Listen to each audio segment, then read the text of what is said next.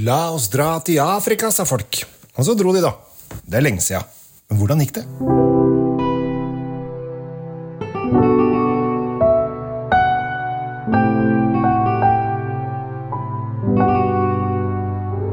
Hei og hjertelig velkommen til en ny episode av eh, Kjells eh, vinkjeller. I dag skal vi dra så langt sør i vår, eh, vår tidssone som det nesten går an å reise. Vi skal til Sør-Afrika. Det går an å reise helt til Sydpolen også, altså for all del. Men det er ikke så mye folk akkurat i den delen av Sydpolen eh, under Sør-Afrika. Eh, Jeg holder jo en del vinkurs rundt omkring, og da blir man litt sånn inspirert av det man snakker om. Og her i forrige uke så holdt jeg et vinkurs i Asker der temaet var Sør-Afrika. Og da tenkte jeg at dette her må jeg fortelle deg om også. For du kan jo ikke gå rundt og ikke vite ting om Sør-Afrika. Så eh, jeg holdt en fantastisk eh, kul eh, smaking der. Hadde seks forskjellige viner. To eh, musserende, to hvite og to røde. Eh, og den jeg tenkte jeg skulle ta frem, er da den hvite. Eh, I Sør-Afrika så begynte de å produsere vin eh, allerede i 1655. Så det er ganske lenge siden. Eh, de begynte de første plantene i 1652, tror jeg. Så tok det litt tid før det kom noe vin. Eh, og eh, det var en Jan van der Riebeck, het vel vår, vår venn. Jeg vet ikke om han er venn eller ikke, men han dro i hvert fall ned til, til Sør-Afrika og bygde på en måte Skal vi si at det var en koloni, da? Som som eh, han satte i gang eh, der nede, som eh, jeg syns har gjort at Sør-Afrika virkelig har kommet på kartet. Altså det er Grunnen til at de lagde, lagde denne kolonien der, var jo det at de trengte jo et stoppested mellom India og Europa.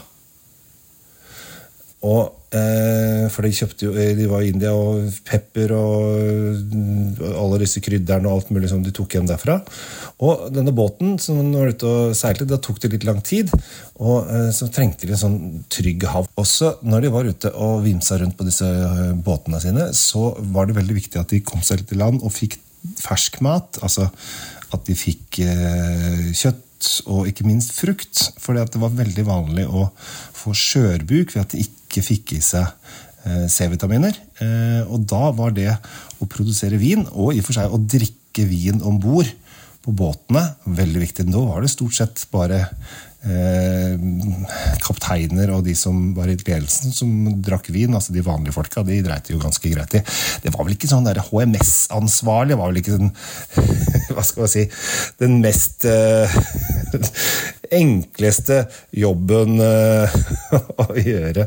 Hva er jobben din, da? Nei, jeg er HMS-ansvarlig på denne båten her. Eh, har alle fått fått det de skal ha av eh, C-vitaminer? Nei, det var ikke. Der var du, ble du bare kasta om bord, om du daua på veien, så det fikk bare være, altså. Og det var dessverre Det var brutalt på den tida. Det var, det var ikke noe det var ikke noe sånn, eh, sånne hyggelige ting der de tok vare på ting. Men vi snakker da 1653, altså 1600-tallet. Det er faktisk før eh, de begynte å produsere vin på West Bank i Bordeaux. Så veldig mange snakker om liksom nye verden, gamle verden, og så tenker de at ja, ja, men Afrika, Sør-Afrika, det er ny verden. Men det må man heller kalle den gamle verden, for der har de holdt på veldig, veldig, veldig lenge. Og eh, de begynte jo med litt sånn random druer. De tok med noen druer fra, Tyskland. De prøvde seg faktisk på en del Riesling. Det funka ikke noe særlig. Eh, og så tok de med seg litt franske druer, spanske druer. Og så tok de med seg også, for at det tok litt tid, da, det opp og ned, opp og ned, opp og ned, så tok de med seg også eh, druer fra Mallorca Nei, Kanariøyene. Ikke Mallorca. Kanariøyene. Eh, for det der eh, var jo Mange stoppet da på veien ned. Eh, var liksom, de var innom Kanariøyene før de dro videre nedover. Eh, og det var jo en eh, fin greie. Og så begynte de å dyrke frem litt det ene og det andre, og så de hva som funka. Og en av de tingene som eh, funka ganske greit, var da Chenin Blad. Chenin er en fransk drue fra Loiredalen som lagrer eh, en ganske frisk syrlig, kanskje litt lett tropisk eh, frukt. Og når den da har eh, kommet seg til Sør-Afrika, og der har den vært lenge, så begynte den da å skape sitt eget liv der og bli, bli litt sånn sin egen vin. Og så kaller de den der lokalt sten, altså stein.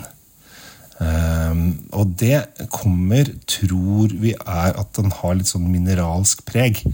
At den har litt sånn um, Når du tar og Dette pleier jeg ofte når jeg skal beskrive, mineralitet. At du kjenner liksom at du har litt sånn tørr Hvis du sleiker på en varm uh, sten så, litt sånn støvete, så får du litt sånn mineralitet på, på, på tunga. Uh, og noen mener dette er det. Men uansett, den heter i hvert fall sten. Og sånn, sånn har det alltid vært. Så det får bare være sånn. Og denne her har de da dyrket frem og fått til å bli Sør-Afrikas på en måte hvite nasjonaldrue. Den røde heter pinotage, mens den hvite er på en måte sten. Selv om de produserer både chardonnay og sauvignon blanc og masse andre forskjellige druer, så er dette her den de er mest stolt av. Og det syns jeg er kjempemorsomt. Vi, jeg hadde en vin som er dyrket av en veldig artig fyr som jeg har vært så heldig å få lov å møte et par ganger, som heter Johan.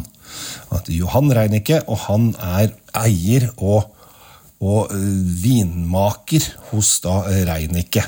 Og de jobber da eh, organisk og har De har ganske mye forskjellige, forskjellige viner på polet. Jeg ser at de har skal se, to, fire, seks, åtte, ti Elleve forskjellige viner på polet. Og uh, den organic uh, han, jeg, jeg tror det vet jeg ikke, jeg har ikke vært i Sør-Afrika. Jeg har planlagt å lage en vintur til Sør-Afrika. Jeg har faktisk hele opplegget alt klart. Jeg har bare ikke helt fått ut fingeren på å få det i gang. For Sør-Afrika er jo motsatt enn oss. Du må egentlig reise nå i februar-mars. Og så skulle jeg jobbe med det litt i høst, og så bare sklei det ut. Og så ble det for kort tid. Så kanskje neste februar-mars så skal jeg lage vintur til Sør-Afrika. Men jeg tror at de kaller det Jeg har ikke sett etikettene i Sør-Afrika, men her, denne burde de jo kalle Sten Reinicke Organic Chenibla. Han er en, en kar som er veldig opptatt av av å bli økosertifisert, og det skal være sustainability og alle disse tingene som handler om å holde naturen i stabilitet. Og det syns jeg han gjør kjempebra. Denne her koster 230 kroner. Har jo økt litt i pris de siste åra, men det har jo alt gjort. Men jeg syns de er fortsatt er flinke til å holde den nede. Den har en storebror som er helt fantastisk nydelig, som heter Reiniker Jenny Blad 2022. er det Den heter nå. Den koster da 305 kroner, så den er litt dyrere. Men det er liksom ordentlig flaggskipet da. Hvis du skal virkelig smake en ordentlig elegant Chenin Blad, så skal du gå for den der. Men dette her er en vin som har eh, deilig, frisk sitrus. Eh, litt sånn hint av noe kryddertoner. Eh, og dette her er en, en vin som eh, Da vi hadde den på kurset, sa jeg men dette her er jo bare sjømatens beste venn. Eh, dette her liksom passer til grilla fisk. hvit fisk, rød fisk. Sjømat Kanskje ikke reker, for rekene er, er, veldig søte. Reker er mye søtere enn man tror, så kanskje ikke reker, men ganske mye forskjellige eh, sjømat, skalldyr eh, Jeg tror kanskje krabbe. Ja. Krabbe spiser jeg veldig sjelden, altså. Kan jeg si at jeg syns at krabbeklør er godt, og sånn hovedhuet er sånn passe? Er det lov å si det? Ja, jeg syns det. Men man får jo veldig sjelden Jeg får veldig sjelden servert krabbe òg, jeg. Og lage det hjemme. det er sånn, Enten så er du sånn krabbefamilie, eller så er det ikke krabbefamilie. Og vi kommer, min familie har ikke vært en krabbefamilie. Vi har noen venner av mine foreldre, som spesielt en venn av fattern. For der er de, da får de krabber. Å, ja, det er viktig at de skal servere krabbe til å, Det er sånn, sånn høytidsstund når de skal dra frem disse krabbene. Men jeg var egentlig aldri noe særlig med på det. Dette her er grunnen til at jeg sier at det er, det er så gøy med Sør-Afrika og denne Jenny Blan. Så jeg syns at hvis du er litt interessert i vin, som du er i og med at du hører på podkasten min. Så kjøp inn eh, en Chenin Blanc fra Sør-Afrika, gjerne Reinekke sin. Og så kjøper du kanskje en fra Frankrike, og så smaker du forskjellen. Og da vil du virkelig se at, at Chenin Blanc har kanskje litt mer to, tropisk snitt enn den franske. Eh, og det er en veldig morsom greie, for her er det ting som gikk fra hverandre på 1600- eller 1700-tallet. var vel mer, Chenin begynte de å dyrke frem slutten av 1600-tallet starten av 1700-tallet. Så begynte de å dyrke frem det, så gikk de fra hverandre da. Da ble de skilt. Og siden har de blitt skilt. Det er ingen som har tatt, eller kanskje noen som har prøvd det, men det er veldig lite sannsynlig at noen har tatt en plante i Sør-Afrika og dratt den til Frankrike for å se Oi, skal vi prøve den eh, sørafrikanske Chenin Blanc her, eller? Det driver ikke franskmenn med. Det, altså, vi, vi, har ekte vare, vi skal ha våre greier, vi skal i hvert fall ikke ha noe, noe, fra Afrika når vi har det selv. Altså, det hører jo en franskmenn vil si det. Det er helt naturlig at en franskmann vil si det. Så dagens anbefaling er da Reinecke Organic Chenin Blad, lagd av en veldig tøff type som het uh, Johan. Johan han driver og surfer og greier. Så når han ikke lager vin, så er han veldig opptatt av uh, bodysurfing. Uh, så han var, han var i Norge. Så bare 'Ja, jeg skal surfe.' Og så bare 'Nja, det skal du vel kanskje ikke her på Østlandet, i hvert fall'. Så jeg tror han tok ene turen Dro han til Stavanger, for han har hørt at på Jæren på Solastrand så var det veldig gode bølger. Eh, og så mener jeg hørt sånn at da han var der, så var det ikke bølger i det hele tatt. så han var ganske skuffa. Men kanskje han burde ta en tur opp til Lofoten oppe i Nord-Norge, for der har de faktisk ganske gode bølger.